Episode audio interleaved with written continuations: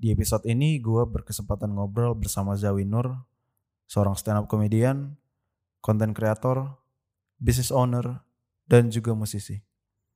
Bang Zawin pada dasarnya adalah seorang storyteller. Semua medium yang dia jajah menyesuaikan berdasarkan pengalaman atau perasaan yang ingin dia sampaikan. Sebagai seorang yang sudah jauh menjelajah ke berbagai macam tempat pelosok di Indonesia, Bang Zawin punya banyak perspektif dan pengalaman yang akan dia ceritakan. Satu hal yang berkesan dari interview ini adalah Bang Zawin menekankan kepada pendaki yang lebih muda untuk aware terhadap ancaman-ancaman yang nyata, gak cuma fokus sama hal-hal yang berbau mistis. Untuk kalian yang ingin support Freudian Podcast, bisa follow broadcast di Spotify dan add Freudian Podcast di TikTok.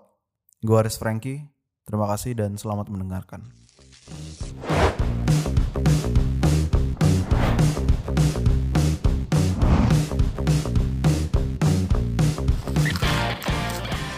Selamat datang kembali di Freudian Podcast special episode bersama Euphoria. Kali ini di episode kedua saya sudah bersama abang-abang yang sering berpetualang, abang-abangan kita semua, Bang Zawinur.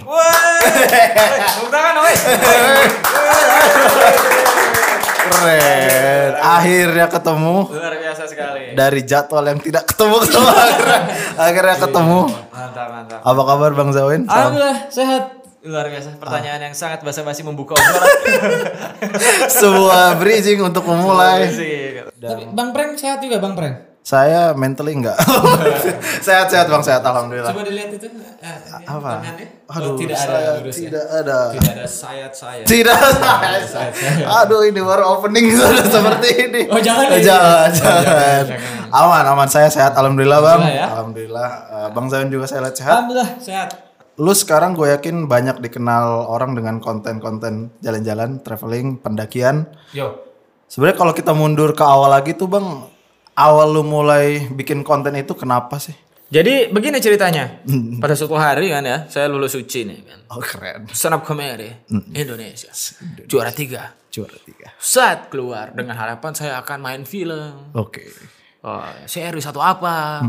Karena Dodit belum keluar udah ditawarin film tuh. Juara 6 dia kan. Iya. Gua tiga nih. Harusnya lebih oke dong. Gua iya, tiga. iya gitu dong. kan. Set, keluar lah. Hibzi jadi penyiar. Oke. Gajinya lumayan gitu kan awal-awal dulu. Terus eh, David eh, di TV Abdur film. Lah kok saya nggak ada. Begitu kan. Iya. nggak ada apa-apa akhirnya ya eh, solusinya gue waktu itu gue ngajuin program ke TV TV gue sampai ke TV Muhammadiyah. Oh, oh. Iya. beneran? iya beneran. Karena kawan banyak di situ kan. Iya, keren. nggak diterima gitu. Terus gue ke mana pernah? Gue ke Raja Wali ke RCT segala macam lah. Hmm. nggak ada yang diterima. Berbulan-bulan saya bikin konsep segala macam Waduh. balik lagi ke prinsip dulu. Dulu kan gue stand up awal-awal stand up tuh belum dapat kepercayaan lah dari senior senior gitu kan. Dari senior nggak dapat kepercayaan panggung belum dikasih. Tapi gue ngerasa kayaknya gue udah bisa deh manggung gitu tapi tetap nggak dikasih. Tapi senior bilang gue belum pantas belum layak gitu. Akhirnya solusinya ya gue bikin panggung sendiri gitu kan. Hmm, hmm, hmm. nah balik lagi ke prinsip itu. Oh. Eh, gue nggak dapet layar ya udah gue bikin layar sendiri. Hmm. ya jadilah gue nge-host ceritanya. Ceritanya gue nge-host acara jalan-jalan. Ya tujuannya sebenarnya karena gue pengen loh jadi host acara jalan-jalan gitu ya. Jejak petualang MTMA gitu kan. Jadi akhirnya gue bikin dan ternyata setelah bertahun-tahun ya Iya sih. Setelah Iya sih. bertahun-tahun. Nggak instan sih ya. Iya. setelah bertahun-tahun akhirnya ya ternyata bisa nih gue ongkos dari AdSense gitu awalnya minus ya gue nggak ngerasa itu minus karena gue suka jalan-jalan juga kan Hmm, hmm, gitu sih Nah terus misalnya kan orang healingnya jalan-jalan tuh. Kalau lu healingnya ngapain? kadang itu yang gue tanya Keren. ngap- ngapain ya gitu kan Iya kan. kayak kemarin nih gue waktu di Manado tuh ya Hmm. Jadi gue di Manado terus ada kawan-kawan yang dari Bandung dari Jakarta ada satu kawan yang gue ngobrol gitu terus dia bilang kayak gue gue gue senang banget nih di Manado ini pertama kali gue di Manado gitu Hmm. terus gue kayak kok gue biasa aja ya iya gue kayak ya udah mungkin karena terlalu sering gitu jadi kayak udah nggak ada lagi ke ke gairah euforia yang wah gue lagi di Manado nih Iya, gitu. iya. mencoba untuk cari lagi euforia yang gue bisa dapat kayak dulu apa ya dalam bentuk apa ya dalam hal apa ya itu yang gue bingung sebenarnya sekarang. Hmm. nah, nah, sekarang gini kan pak. Orang kan traveling itu biasanya karena apa liburan itu kan definisinya adalah perubahan sebuah pekerjaan ke pekerjaan lain dengan intensitas yang lebih kecil. Iya. maka jadilah sebuah liburan. Nah sekarang ketika intensitas gua gitu-gitu aja nah pertanyaannya kan liburannya apa? Iya, gitu. iya, iya. orang jalan-jalan karena sebelumnya mereka kerja. Akhirnya dari kerja itu lepas ke liburan. Liburan akhirnya menyenangkan. Nah Hmm. sekarang kalau gua kerjaan gua mencelok-mencelok ya itu udah bukan lagi liburan ya. Halnya Iya. udah kayak ya, ya udah biasa aja Rutinitas aja. Ya udah iya. Iya Kayak kecuali mungkin kadang ada beberapa jalan-jalan yang menurut gua asik seru sih. Mm-mm. Kalau yang memang akses untuk ke sana susah. Eh, masalah jalak tuh ngaruh ke euforia kesenangannya gitu. Kemarin gua ke Turki biasa aja loh. Gua satu bulan di Turki pergi dari ujung ke ujung ke ujung. Terus gua kan pergi ke tempat ke pelosok tuh ada namanya Kuskoy. Tempat turis tapi jarang. Orang Indonesia nggak ada yang ke situ. Gue pertama ke situ tuh karena biasanya ke situ tuh paling Jerm, um, orang Jepang sama orang Rusia paling banyak. Hmm. Ras kita tuh jarang ke situ. Hmm. Jadi ketika gue ke sana gue gue tanya kan, dia nanya, lu dari mana? Gue bilang, coba kira-kira dari mana? Suruh tebak. Iya. Terus mereka nembaknya dari Korea. Lah. Iya, Korea, Jepang, Oh, iya, potongan rambut. As- ya Asia lah. Hmm, hmm, Asia di, di- mungkin di kepala mereka Asia itu ya. Udah ya- itu aja. Ya Jepang, Jepang Korea doang kan ya. itu yang terkenal. Indonesia mungkin nggak masuk ke telinganya. Seru sih tapi ya udahlah gitu. Terus lu dapat kesimpulan apa setelah sebegitu jauhnya berjalan dan tidak menemukan euforia yang apa ya? kesenangan ketika dijadikan rutinitas bukan lagi sebuah kesenangan sih. Terus gue ngobrol kan sama beberapa kawan gitu. Ya mungkin untuk dapat euforia itu caranya adalah untuk mencari sesuatu, mencari keluguan. keluguan. Ya, jadi kita cari sesuatu yang baru lagi supaya euforianya datang lagi. Oke, Kita kita menjadi ya. bodoh lagi di bidang yang baru gitu. Oke, explore ini luar lah bidang baru, Bidang hal baru. baru. Cuman kan pertanyaannya bidang apa ya? Belum ketemu. Enggak, belum ada sih. Bi- Bingung pertanyaan lu gue nggak bisa jawab. Sampai sekarang pun lu belum dapat soalnya. paling ke tempat-tempat kayak kayak kemarin gua ke Mamasa nah itu menarik tuh Mamasa. Iya. Udah aneh banget tuh namanya Mamasa. Mamasa. Daerah mana tuh? jangan asal ngomong aneh ntar orang tersinggung nggak nggak aneh kan Enggak. nggak aneh Iya. Eh, unik, Eh, unik, unik, unik, ya. unik. Maaf. unik banget tuh namanya buat gua. Thank you bang, diselamatin. Eh, di Mamasa itu gue sebenarnya emang suka pergi ke tempat-tempat yang dari dulu sih bukan sekarang doang dari dulu gue suka pergi ke tempat-tempat yang orang tuh nggak ke situ gitu Hmm, Jadi nggak- selain- nggak umum. nggak umum Hmm. Eh, ke tempat situ ya tujuannya ya gue pengen ya nggak tahu alasannya apa pokoknya gue suka kayak gitu ya sekalian juga gue kenalin ke orang-orang bahwa ada tempat ini loh dan di tempat ini ada ini kalau lu ke sini lu bisa ke sini Hmm. Lewat Lu bisa konten lu. ini, lewat konten Iya. gitu. nah di Mamasa itu ada namanya Rambu Solo pak Rambu Solo itu eh, upacara kematian Rambu Solo upacara kematian jadi eh, suku Toraja mungkin lu pernah dengar Toraja Ya, ya. nah Toraja sama Mamasa itu mungkin apa ya mirip-mirip cuman dia terbatasi garis administrasi Hmm, hmm. yang satu sulbar, yang satu sulsel. Eh, itu gue ikut proses eh, apa namanya acaranya dari awal sampai akhir. Jadi misal seseorang meninggal, Hmm. terus ada eh, upacara adatnya, potong hewan, kemudian dimasukin ke dalam peti dan selama di peti itu si orang tersebut Ya. itu belum dianggap meninggal. Nah, belum dianggap meninggal sampai diadakan acara Rambu Solo. Nah, masalahnya untuk acara Rambu Solo itu semua keluarga kan harus ikut. Nah, itu harus nyocokin tanggal sama uang juga. Ya. Gitu kan. Nah, sampai akhirnya dari situ ketika dimasukin ke dalam peti itu sepakatlah mereka akan diadakan Rambu Solo kapan? Hmm. Di keluarga ini satu tahun kemudian. Ada yang sampai empat tahun Lama banget. gitu satu tahun kemudian dan selama satu tahun itu ada di dalam rumah gue lupa namanya istilahnya apa dan itu harus ada yang nemenin satu orang Aduh. satu orang waktu itu yang nemenin istrinya Ah. istrinya nemenin si bapak itu yang sudah meninggal tapi belum dianggap meninggal ditemenin dan dikasih makan Ah, bapaknya Dimasukin, Bang, ke dalam peti? Ah, enggak enggak enggak jadi ada ada makanan yang diganti terus Uh, begitu. Hmm. Dan si ibu ini dia nggak boleh makan nasi jadi puasa makan nasi. Dan dia nggak ke mana-mana kecuali di tempat itu sama ke toilet. Eh, Nah makanan ya disediakan sama keluarga yang lain. hmm. Kayak gitu. Sampai akhirnya diadakan Rambu Solo. Rambu Solo itu dibuka petinya, baru itu dianggap meninggal. Di situlah nangis. Gitu nangis. Terus upacaranya itu dari awal pembukaan peti hari pertama itu 10 hari. Hmm. Nah itu gue dari awal sampai akhir 10 hari di situ terus tuh gue ngikutin. Nah itu menurut gue seru sih. eh gue nginep di rumah warga. Gak tau ya gue ngerasa gue selalu selalu terkesan sama kebaikan eh, Warlock apa, gitu. warlock Iya, gue tinggal 10 hari, gue dikasih makan pagi, siang, sore, kasih kopi, Kenal kagak. kenal kagak. Bukannya sulit ya bang, misalnya lu ke daerah-daerah yang terpencil lah gitu, Hmm. terus tinggal sama mereka, itu kan punya kesulitan tersendiri untuk berbaur sama warga-warga setempat. Itu harus ditanya dulu, makanya harus riset. Hmm. Maksudnya kebiasaannya kayak gimana, nggak sukanya apa, harusnya kayak gimana. Misalnya, gue pernah kejadian, gue minta kuota, jadi di tempat itu Hmm. HP yang ada sinyalnya cuman di cuman di tempat titik tertentu yang ada sinyal Hmm. dan HP yang bisa ada sinyal 4G-nya itu cuman Oppo sama Vivo. Hmm, hmm. Aneh gak lu? Samsung iPhone gak ada sinyalnya. Aneh sih. Harus Oppo sama uh, Vivo. Iya. Nah, ada mahasiswa di situ. Ya balik dia kan emang rumahnya di situ. Hmm. Eh, dia HP-nya tuh Oppo gitu. Akhirnya kita pinjam rame-rame. Hmm. Jadi kawan-kawan semua ada sekitar 10 orang tuh kan banyak jurnalis yang datang juga tuh. 10 orang kita sore-sore tuh ke situ gitu. Nah. Terus kita main HP. Iya. Eh, ya kan gak enak ya? Ini HP lu dipakai sama banyak orang. Iya, iya, iya. Lu mahasiswa gitu belum kerja. Akhirnya gue isiin. Mm-mm. Ternyata itu nggak boleh. Terus? Jadi si Marah anak, dia, anak marah. tuh marah. Kalau emang mau ngisiin pulsa, udah nggak usah pinjam lagi. Loh. Gitu. Jadi dianggap kebaikannya itu pamrih. Oh, padahal dia tulus aja pengen Padahal, padahal lo tulus. ya. Hmm, Saya ngasih ya saya ngasih, bukan saya ngasih saya minta imbalan gitu. Nah, nah hal hal kayak gitu kan bisa bisa diminimalisir dengan lu Bisa nanya tuh. dulu nih, ini ini gimana nih budayanya kayak gimana? Kalau Iya. gua masuk tuh tidurnya mendingan di kamar yang sudah disediakan atau eh, di ruang tengah. Terus di sini ada budaya basa-basi apa enggak gitu. Hmm. Yang lu dapat dari hal-hal kayak gitu apa sih bang?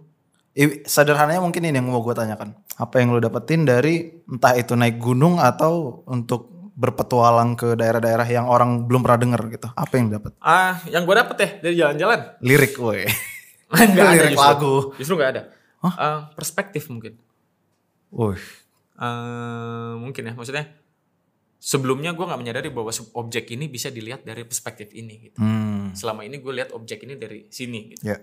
Hmm. terus ketika jalan gue ngobrol sama banyak orang gue ketemu banyak orang eh, oh ternyata objek ini bisa dilihat dari berbagai macam Sudut pandang. sudut pandang gitu loh. Apa yang paling apa ya selalu ada gitulah di setiap daerah ini yang mungkin oh Indonesia tuh gini banget ya gitu. tapi ini emang eh, Bim lu yang riset emang obrolan Froyonion tuh emang kayak gini ya agak serius ya Hah? Emang gitu ya? Emang gitu ya? Gitu ya?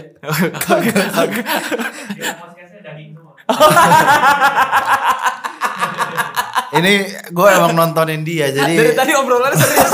Tapi oke ayo gua gua oke oke.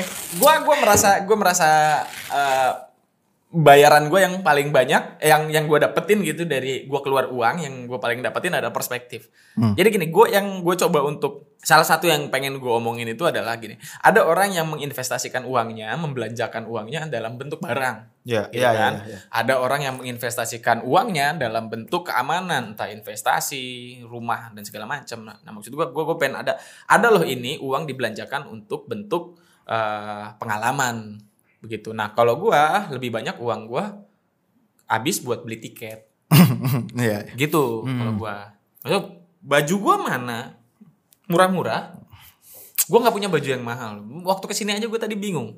pakai baju apa apa ya karena nggak ada lagi. karena nggak ada Hmm. gue nggak punya baju banyak gue pelajari ini dari dulu waktu gue pertama kali ke tahun berapa ya 2013 14 gitu gue tanyakan jadi dia itu kerja enam bulan Hmm. untuk satu tahun traveling.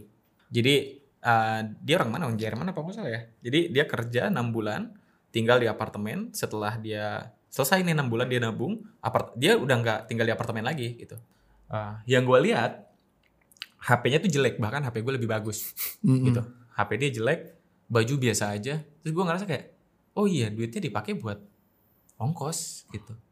HP-nya biasa aja segala macam gue kayaknya menarik nih gaya hidup seperti ini Ah. gitu kayak waktu dulu tuh gue jalan tuh kayak eh ru- rumahku adalah tasku gitu loh anjay gitu sampai akhirnya gue punya tanggung jawab di Jakarta ya udah nggak bisa gitu lagi kan akhirnya Hmm. Cuman itu kan butuh nyali, keberanian yang tidak dan privilege mungkin ya yang tidak dimiliki banyak orang. gue kurang suka nih ngomong-ngomong privilege Weh. sekarang gini pak Oke. banyak tuh yang ngomong enaknya jadi lu lu mah enak jalan-jalan punya duit. Atau bahkan lu mah enak jalan-jalan ngasilin duit. Ya gini loh nyet. Eh, gue jalan-jalan tuh naik gunung dari 2010 pertama kali gue jalan-jalan sebenarnya gue bukan naik gunung. Gue suka naik gunung karena itu adalah traveling yang paling murah. Gue naik gunung dari 2009 gitu. Ya. dan itu pun gue harus nabung 6 bulan untuk naik gunung. Gitu. 2010 sampai 2013 gue makan sehari sekali buat supaya gue bisa nabung buat naik gunung.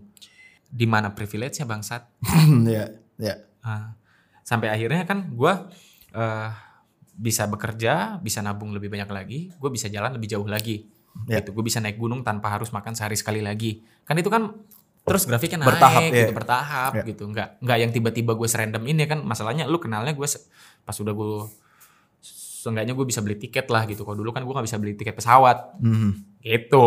Sekarang kan tinggal ketika lu punya duit anggaplah ekonomi kita sama. Terus kita nabung sama-sama tiga bulan. Kita akhirnya punya uang 400 ribu.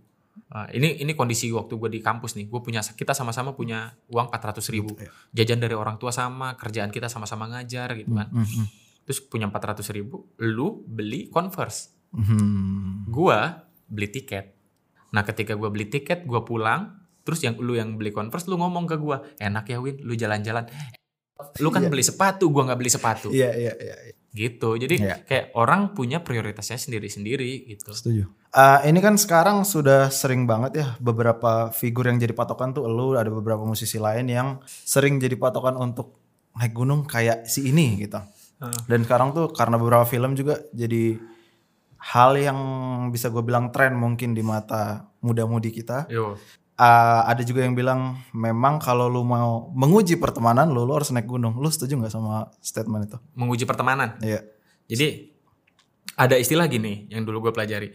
Kesetiaan seorang kawan itu teruji dalam masa sulit. Jadi untuk menguji kesetiaan kawan itu bukan hanya naik gunung, tapi posisi lu lagi sulit aja. Bisa jadi motor lu mati, temen lu ada yang dateng nggak? Iya iya iya. Nggak Ah, cuma itu ya. Nggak cuma naik gunung. Nah, na- naik gunung ya kita dalam posisi sulit. Maksudnya lu susah, gue susah. Lu bisa gak sih prioritasin gue? Ya. Atau lu masih mikirin gue juga? Mhm. Gitu. Nggak harus naik gunung tuh buat ngetes teman ya. Ah, ribet banget anjing. Tapi kalau misalnya kita baca tren tuh eh, apa sih yang bikin tiba-tiba orang segininya? Kalau gue lihat ya dari musik pun ada. Ya. Musik folk misalnya kan membantu untuk aku ingin menikmati musik folk, that's gunung. ada juga kan. Tapi kalau dari kacamata lu nih, apa sih yang bikin? Kalau dulu lagunya ini pas setiap gue naik gunung tuh ada lagu ini pasti. Apa tuh? Entet, entet, entet, teo. Sampaikanlah pada ibuku, Oke. aku pulang terlambat waktu. Lu gak tahu? Gak- tahu. Gue taunya sembilu yang dulu. Yang baru kan? Itu dulu 2000 2012, 11 Iya. tuh pasti ada yang ngetel Nah, lagu itu tuh. Oh, saya tidak pernah mas. Eh, kalau sekarang Tren, tren, tren. Sekarang gue nggak tahu ya. Jadi gini pak, saya naik gunung tuh biar kelihatan keren. Hah? Iya. Buat diri gue sendiri. Oh gitu. ya? Dulu, dulu, dulu, Iya, iya, dulu. iya, iya. Iya, dulu, dulu, dulu. 2010 lah misalnya. Waktu pertama kali naik gunung nih setelah eh, di kampus gitu masuk kampus. Hmm. 2010 gue bingung nih. Gue pernah naik gunung di 2009 terus gue pengen ngulang lagi. Cuman gue nggak punya temen. Iya. Eh, gue nggak punya uang buat bayar guide gitu. Hmm. Akhirnya kan cari-cari info nih susah kan info kan nggak ada YouTube dulu kan ya, Iya. ada reviewer ya kan. Nggak ada yang buka jalan. nggak ada yang iya nggak ada Iya. gue harus ke mana nih Iya, ada mapala cuman gue nggak suka dikna, apa diksarnya jadi kan kalau dulu istilahnya gue nih orang-orang kayak gue nih namanya freelance Freelance. pendaki freelance Hmm, jadi dia tanpa bendera pendaki freelance eh, cari infonya itu dari dulu di kaskus Hmm, ada, ya. ada forum di kaskus itu jadi ada chatper catatan Chatper. perjalanan gitu. Oke, oke. Jadi orang yang chatper itu, nah ini inspirasi gue YouTube gue. Dari chatper itu kan dikasih tahu tuh dari Jakarta, biasanya dari Jakarta sih start pointnya. Dari Jakarta ke sini naik apa, naik apa, naik apa, terus sampai gunungnya biayanya berapa, terus perjalanannya berapa, kesulitannya apa, medannya seperti apa, vegetasinya kayak gimana, puncaknya kayak gimana, sampai turun lagi gitu. Nah dari situ sebenarnya gue bikin YouTube gue. Hmm. Jadi gue mencoba untuk uh, ganti review gunung dalam bentuk chatper ke video. Nah gitu. Lingkungan gue Hmm. nggak ada yang naik gunung. Gitu. Woi. Jadi ketika gue naik gunung, terus turun, itu kayak kayak gue naik gunung nih. yo yo yo. gitu tuh. Yo Gitu. Nah kalau sekarang kan kalau misalnya kita naik gunung kayak gue naik gunung nih, bukan lu doang. Gitu. Kalau sekarang gue ngerasa kayak udah, ah, gue ada di posisi itu. Jadi Hmm, hmm. orientasi gue naik gunungnya ada ma- macam-macam nih. Ya, ada ya. macam-macam. Pertama itu Keren dulu. keren, Ayo, iya. gitu kan. Terus selesai itu, udah lewat masanya. Hmm, ya. lewat masanya, akhirnya gue naik gunung buat healing. Keren. Ya kan? Huh, pusing Jakarta, kampus, iya. ya kan skripsi nggak kelar-kelar, organisasi gue pusing ditekan atas bawah, Yoi. segala macam. Akhirnya gue naik gunung. Lagunya masih itu. Sampaikanlah pada masih itu, masih itu. masih belum itu. sembilu Oh, nih. belum sembilu, belum, belum sembilu. Oke oke oke. Terus gue stand up. Stand up pusing pak nulis. Iya dong. Nulis tuh pusing banget. Gue nulis paling capek nulis materi stand up. Terus kayak akhirnya gue naik gunung. Iya. Barulah sembilu. Oke. Iya dulu. Iya, iya, Gua iya, masuk iya, iya. masa-masa itu tuh kan. Terus pulang. Pulang eh, setelah stand up, gue naik gunung udah mulai gampang nih kayak gue nggak harus nabung lagi. Kerjaan gue nggak sepusing dulu Hmm. gitu. Jadi gue naik gunung kayak gue ngapain sih ke sini gue nyari apa sih Uh. gitu kan. Mhm. Sampai akhirnya pas gue naik gunung itu dengan pertanyaan itu gue jalan malam gue ngerasa ketakutan di sebuah gunung. Iya iya. gue ngerasa ketakutan. Anjing ini serem banget gue naik gunung berdua Yoi. malam-malam nih. Angker, gunung angker lah. Wah kayaknya seru deh gue naik gunung untuk rasain takut. Ah, shifting nih Iya, tujuannya ya. akhirnya tujuannya ganti. Iya. Akhirnya gue naik gunung malam terus buat Wih. ngerasain takut. Berdua, berempat, berempat sama sekali nggak takut. Akhirnya gue naik gunung berdua. Aduh, serem nih. Lama-lama kok nggak serem lagi ya? Waduh. Gitu. Anjing gue nyari apa lagi di gunung? Gitu. Akhirnya, akhirnya Iya, iya. sampailah saya mau bikin ekspedisi ini. Iya, ekspedisi, ekspedisi apa tadi? eh, apa langit kelabu. Langit kelabu yang Pendaki. seram-seram. pendakian tujuh gunung horor Pulau Jawa. Yoi. Gitu. Jadi kayak kayaknya ini alasan yang oke nih untuk sekarang. Itu sesuatu yang belum bisa dibuktikan iya atau tidak kan ya. Iya setuju. Kalau gue kan lebih ke arah, gue nggak 100% ke enggak tapi cenderung ke enggak gitu. Hmm. Nah kan pertanyaan gue gimana caranya kita menemukan sesuatu yang tidak ada. Aneh banget tuh. Wow, Bjorn. Udah gak, gak nyampe nih gua. ya gue ke sana ya kalau ternyata ada ya gue bersyukur juga ternyata ada. Kalau nggak ada ya udah berarti nggak ada. Karena sejauh ini nggak ada. Belum pernah setidaknya, belum pernah. Pun kalau ada orang yang ngomong awas lu jangan songong nanti beneran disamperin, ya pengen emang. Emang lu cari? Iya. Kalau tidak bisa turun bagaimana? Ya hilang. Ya kan Ya setidaknya tinggal nama dong Zawin Nur. ya kan setidaknya gue bisa jadi percontohan bahwa ternyata ini memang benar ada. Kayak worth it aja bang. Serem banget dah. seru pak, seru pak. Jadi nanti ya gitulah motonya kan berangkat bareng, pulang bareng atau hilang. Pasang bareng. badan ya. Karena ya gua pengen sama gua mencoba untuk bilang yang harus ditakuti itu hewan bukan setan Bold statement tuh. gitu. Jadi takutlah kepada sesuatu yang nyata, ancaman yang nyata Iya. gitu. Yang ngerinya kan kalau kita terlalu takut sama setan, fokusnya ke setan sampai lupa bahwa ada bahaya lain kayak lu fokus ke satu bintang, lu lupa bintang tuh banyak banget. Jadi banyak loh bahaya-bahaya lain yang faktanya bahaya-bahaya itu yang bikin lu mati. Yang bikin lu celaka. Iya. gitu. Nah, gimana caranya? Ya langsung pembuktian kan gue berangkat. Lu udah siap-siap pulang tinggal nama gitu. Kenapa tinggal nama? Misalnya worst case-nya bang terjadi gimana? Worst case mah gue free dive juga kan bahaya. Yes, iya sih. Tapi udah mikir sampai Free dive gua- itu lebih bahaya dari naik gunung pak.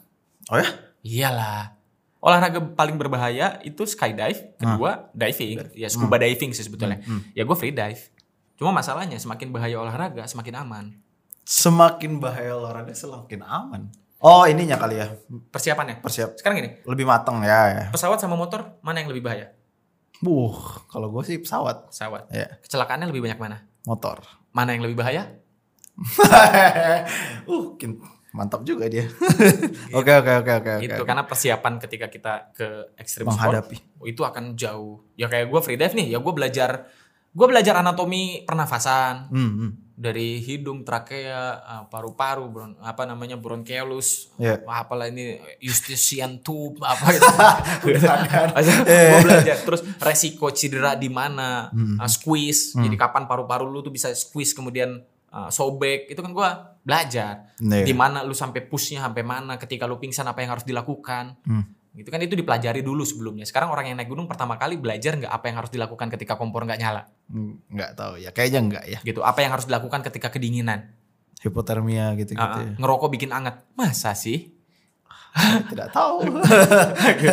Eh, Mereka lebih fokus ke lu jangan ini, lu jangan ngelakuin jangan pakai ini, baju hijau jangan kencing baju sembarangan. merah, jangan kencing sembarangan Iya. jangan bawa daging jangan bawa eh, terasi jangan bawa udang gitu Iya.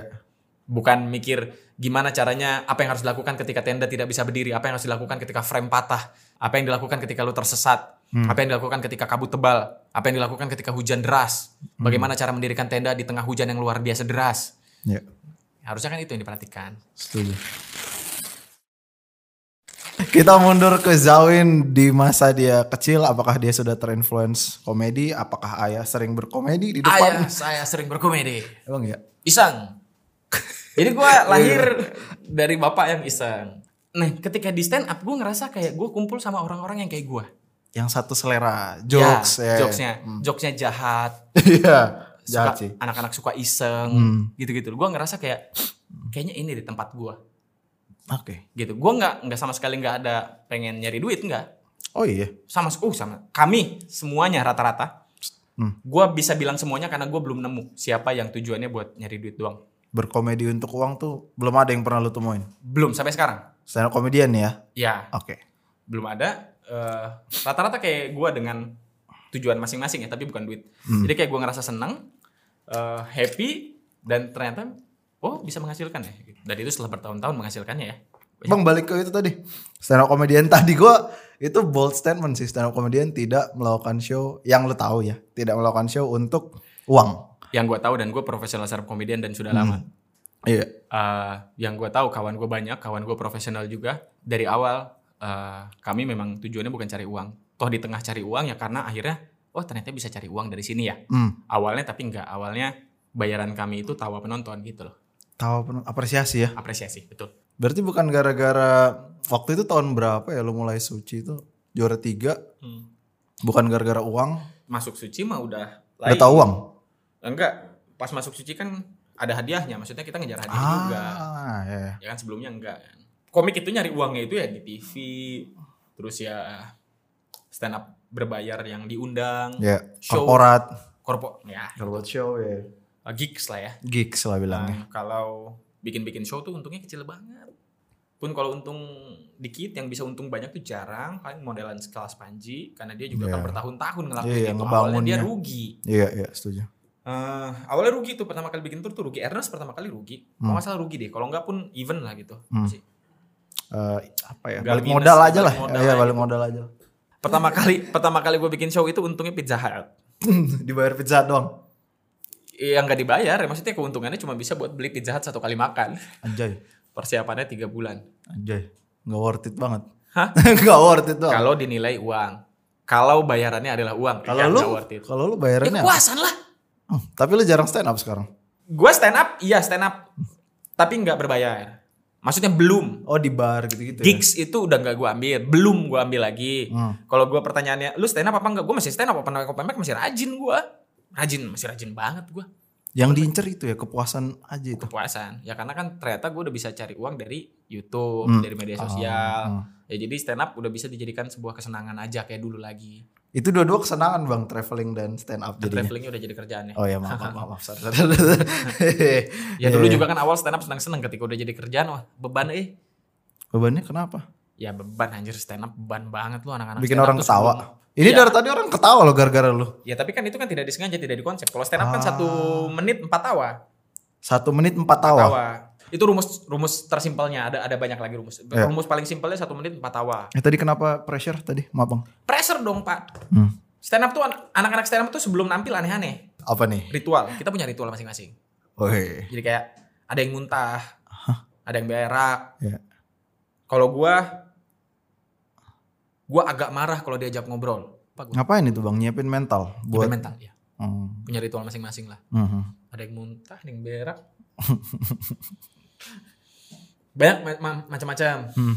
dulu gue sempet sampai saking nggak mau ketemu orangnya tuh gue sampai ngilang lah ngejauh Emang lu rasa kalau acara stand up community sama yang berbayar lah gitu, lu terpaksa harus menurunkan materi atau maksudnya kayak semacam semakin luas audiensnya kan lu harus semakin ambil yang di permukaan tuh. kan kita belajar demografi jadi Hmm, audiensnya itu siapa oh ini jadi kayak ini ya gue ngisi kelas stand up nih Ah, jadi gini pak Gue emang pengen jadi stand up. jadi gini. oh datang komunitas saya pasti kami sambut Eh, Abis ini apa? boleh Woi, keren. nah eh, apa namanya demografinya tuh yang nonton siapa sebelum misalnya ini gigs atau bukan nih kalau misalnya gigs ke panitia pasti gue tanya yang nonton siapa usianya berapa ekonominya gimana Iya. terus eh, banyakan perempuan atau laki-laki agamanya apa Woi. Eh, Gila. macam-macam lah terus gue tanya misalnya kayak kadang-kadang gue sampai tanya kayak ini rata-rata S1 apa enggak Hmm. Wih. gitu misalnya ya kelas pendidikannya di mana kan beda Iya. Nah, materinya akhirnya nah dari demografi itu setelah gue tanya-tanya semuanya baru gue susun materi sesuai dengan demografinya Hmm. oh nanti ada rumus lagi nih ternyata demografinya tidak sesuai dengan materi Materinya. gitu ternyata panitianya salah Iya. Wah itu bisa ada ganti atau ada hotspot atau oh, lu ada itu dulu ya sebelum sebelum perform ya? Oh iya dong. Gue kirain gue punya materi dua buku misalnya dua apalah gitu. Hmm? Ini aja gue pakai terus pindah-pindah panggung gitu. Enggak gitu ya? Ya tergantung kalau ternyata materi itu di ada sebetulnya set sakti, ada Set sakti. ah, ada ada ada ada set yang bisa untuk semua golongan ada, tapi Pasti jarang kena. banget, jarang banget. Tapi biasanya punya setup. Jadi kayak misalnya lu diundang untuk corporate, misalnya lu ngomong kayak gitu, ada yang kayak gitu, tapi kalau misalnya lu diundang untuk corporate, Hmm. ya berarti kan kalau diundang sama corporate lain, demografinya nggak beda jauh. Iya iya. Berarti bisa pakai set yang sama. Mm-mm. Tapi kalau lu biasa diundang eh, hari ini diundang sama corporate, besok di acara dangdutan, nggak bisa dong sama. Atau diundang ke eh, seminar, Iya. seminar mahasiswa, oh nggak bisa dong. Setelah seminar mahasiswa, lu pakai materi eh, set A gitu, terus lu besoknya diundang ke pensi. Pensi ya. Oh nggak bisa be, nggak bisa sama, bisa. Materi beda lagi. harus beda. Tapi memang materi yang udah ada, Oh udah di banking ya. Ya. Disiapin. Hmm. betul. Biasanya eh, kita punya apa eh, apa istilahnya Eh, bank bank materi. Iya bang materi. Ya. Gue pernah nonton interview yang cukup lama tuh bang. Udah sekitar 2-3 tahun lalu. Hmm. Yang gue tangkap dari interview itu lu berkomedi ya suka-suka gue lah. Kasarnya mungkin idealis lah gitu. Gue berkomedi untuk diri gue sendiri mungkin ya. Yang gue bisa simpulkan. Sekarang tuh masih gitu gak sih bang? Yang pertama mungkin dari awal gue kasih koridor. Manusia itu akan terus berubah sesuai dengan eh, usia, pengalaman dan kedewasaan. Oke. Gitu. Jadi kalau seseorang bicara A di tahun 2020, 2014, Ya. ketika dia bicara lain di 2020 bukan berarti dia tidak konsisten. Mm-mm. Karena manusia akan selalu berubah. Berkembang gitu ya. berkembang dengan pengalaman baru, Iya, kedewasaan baru, pengetahuan baru, Iya. daya daya komprehensi baru Hmm. gitu akan berubah. Terus selanjutnya, Mm-mm. Gua nggak inget gua ngomong itu. Oger tuh langsung ketawa semua. Oke oke oke. gitu. Eh, ya komedi ya komedi. Yoi. Masa kalau kalau diundang gigs nggak mungkin. Ya gua harus ikutin Sikat. apa yang audiens mau. Iya ya. Gitu dong. Gak bisa idealis idealis. Hah? Idealis untuk apa dulu nih? Untuk gua hanya akan menyuarakan yang menjadi keresahan gua. Gak bisa ya karena Materi stand up itu akan terlahir dari pengetahuan dan kepedulian. kepedulian. Nah, jadi lu peduli apa dan lu tahu tentang apa yang lu peduli apa enggak. Kalau ketemu dua-duanya jadilah materi Mm-mm. gitu. Terlepas dari bagus atau tidak, tapi dasarnya yang gue lihat adalah itu. Siap. Jadi kalau misalnya bicara idealis apa enggak idealis, pertanyaannya betulan idealis atau jangan-jangan memang gue cuma tahu itu. Hmm. Memang gue pedulinya tentang itu. Gue Iya. taunya tentang itu. Kalau misalnya sekarang gue stand up, kebanyakan materi gue pasti tentang jalan-jalan. Iya. Ya karena gue peduli jalan-jalan, gue taunya tentang jalan-jalan ya. Akhirnya jadi materi stand up. Mm. Kecuali ada metode lain. Metode lain untuk penulisan stand up ada namanya observasi. Observasi apa yang terjadi current issue di Ah. Current negara. issue, Iya. ya. Hmm. Itu bisa pakai metode observasi. Hmm. Gitu. Jadi bisa story nah, storytelling, Storytelling. atau materinya observasional. Berarti susah ya dari stand up comedian ya. Harus mikir. Kalau gampang ya nulis. Kalau Iya, iya, iya. Ya benar benar. Enggak apa valid kalau lu Iya. ngomong gitu valid valid. kalau gampang ya kami dibayar murah. Oh iya. mahal berarti. Zain diwar mahal. gitu. Iya, iya. Dan pasti setiap kita juga pasti punya ranah idealisnya masing-masing lah. Ya. Gitu. Kalau untuk saat ini mungkin ranah idealis gue ya di Market Cap Institute gitu. Gue punya sekolah. Iya. Punya enggak sekolah lah, kelas ya targetnya kalau bisa jadi sekolah. Tapi itu sebenarnya unit bisnis dulu ya. Baru lu kembangkan jadi sekolah, jadi Oh iya, Iya kan karena ya? prinsipnya gue nggak mau jadi lilin. Maksudnya gue gimana caranya kita bermanfaat untuk orang lain dan juga manfaat itu kembali ke kita Buset. gitu. Maksudnya kan jadi win-win solution. Maksudnya Hmm. dari sisi ego eh, Tersalurkan, idealis iya. tersalurkan, Iya. dari sisi manfaat tersalurkan untuk orang pun Hmm. untuk kita. Iya. Gitu. Kalau jadi lilin kan kebaikan itu tidak akan tahan lama Hmm. gitu. Jadi menurut gua harus dapat umpan baliknya gitu.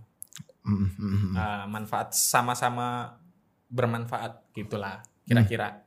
Ya dari market caps gue buka usaha, ternyata ada dana sedikit dari hasil keuntungan, bikinlah gue market cap institute. Wah ternyata dananya masih kurang. Ya di situ kan gue bisa jadi dari ego gue untuk memenuhi ego gue bisa jadi manfaatnya adalah kan manfaat itu materi non materi kan. Ya. Ya manfaatnya akhirnya mungkin bisa jadi gimana caranya supaya market cap institute ini punya duit. Ya gue harus ngembangin omset si Bisnis tadi. Bisnis tadi dong. Market cap itu Ya. sendiri ya. ya setidaknya kan itu ya paling sedikit seenggaknya uh, manfaatnya itu Mm. Gitu karena di kampus dulu gue diajarin banyak-banyaklah memberi karena ketika memberi kau menerima gitu Gue sebenarnya masih pengen panjang banget nih ngomongin market Hmm. caps dan karya-karya anda seperti Pak Jiro. Oh Tapi iya. sayang, Musik sayang tahun- sekali. tahun ini saya rilis album lah Album lah ya. album ya Kenapa ini mungkin jadi topik Ah. terakhir, subtopik terakhir. oke Pertanyaan saya adalah kenapa anda bermusik?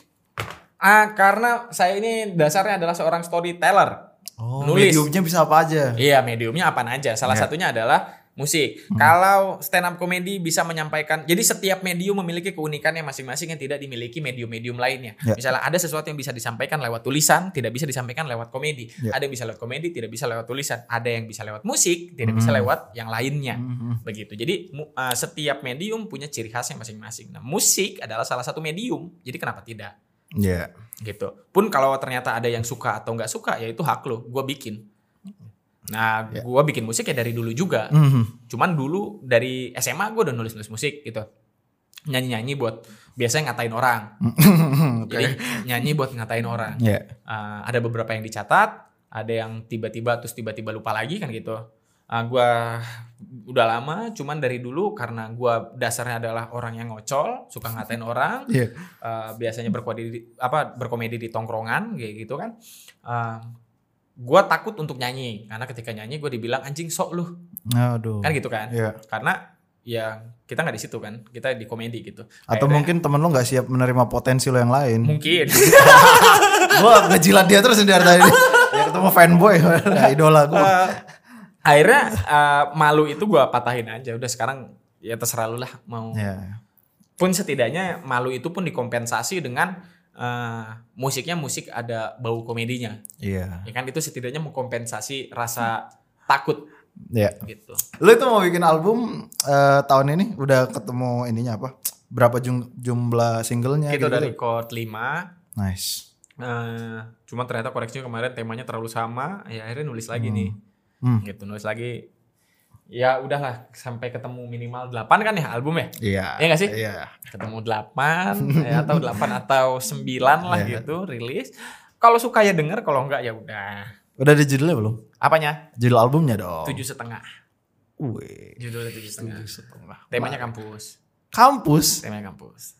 Eh, ini kalau dipanjangin boleh nggak ya? Tapi itu kan sudah memori yang sangat lalu gitu. Masih bisa dikemas dalam karya. Ya kan gue nulis dari dulu. Oh, itu di bank gitu ya. Ya, gue punya kan ngerekamnya pakai voice note. Mm Eh, Wih, gokil. ada, terus ya udah disusun lagi, terus di record. Mm. Eh, kalau misalnya lu ngomong itu kan masa lalu. Iya. Kebanyakan cerita cinta juga masa lalu kan. Iya biasanya kita kan ngeliat diri kita yang dulu tuh malu kan. Ih gue dulu gini ya Nora gitu. Yo, nah kan kita menulis itu dengan perspektif sekarang. Oh dikemas ulang Iya. dengan dengan sudut pandang yang sekarang. Uh, nice banget. Terjun Kapan siap biar kita bisa syutingin di Froyonion? Keren. Eh. Ayolah kita kita berkolaborasi lah. Iyalah. Froyonion kan bikin Iyalah. kelas apa tadi ada obrolan kita Siap. bikin kelas apa. Siap. Apa yang Froyonion punya, apa yang kita punya, Siap. terus kita gabungin jadi sesuatu yang bagus lah gitu. Kita terus kan di sini bareng. juga kalau misalnya budgetnya nggak ada kan ada wow rokok enak. Oh, rokok Ah, enak. iya, iya kan. Kita explore bareng lah idenya Explore ya. bareng Iya, ya iya. kan, ya kan. Siap. ide idenya dari kita kita kolaborasinya ya budgetingnya kan enak Ada lah teman kita. Oh di sini tulisannya explore gitu kan. Explore rasa. Explore rasa. Keren.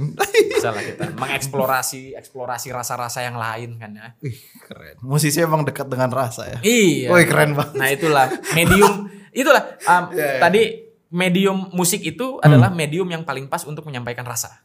Wih, nice. Yang sepertinya kurang tepat kalau dalam bentuk stand up. Bisa, cuman musik lebih pas. Mantap. Gue suka kata-katanya Erik Sukamti. Hmm. Jangan jadi youtuber. Tapi tapi jadilah seseorang yang punya YouTube. Oh, eh, beda tuh ya. Beda dong. Oke. Jadilah pilot yang punya YouTube. Gua stand up comedian yang punya YouTube. Jadilah tentara yang punya YouTube mungkin atau polisi yang punya YouTube, jadilah dokter yang punya YouTube, jadilah pengacara yang punya YouTube. Ah, jadilah aktor yang punya YouTube, musisi yang punya YouTube. Jadi tapi jangan jadi YouTuber. Menurut gue tidak ada yang salah dari sebuah pilihan. Lu mau jadi karyawan itu hak lu, lu mau jadi musisi itu hak lu, lu mau jadi uh, pengangguran itu hak lu. Tidak ada yang salah dari sebuah pilihan. Yang salah adalah ketika lu memilih kemudian lu mengeluh. Dan Oke. yang bodoh adalah ketika sudah mengeluh tidak mencoba pilihan lain. Mencoba Hmm. lu ya, bukan pindah ke pilihan lain. Setidaknya mencoba untuk pilih memilih yang lain. Bang Zawin makasih banyak. Terima kasih banyak Bang Semoga Prank. kita semoga bisa berlanjut kerjasama ini. Eh, lu lu harus tahu Katiflam lu. Apa Nanti tuh, Bang? Katiflam. Nama lain dari Frankie. Katiflam. Ya, ada ada lah itu. Iya nanti kita lanjut obrolannya. Halo teman-teman, jangan lupa follow Instagram euphoria.id untuk informasi tentang giveaway yang ada dan yang akan ada.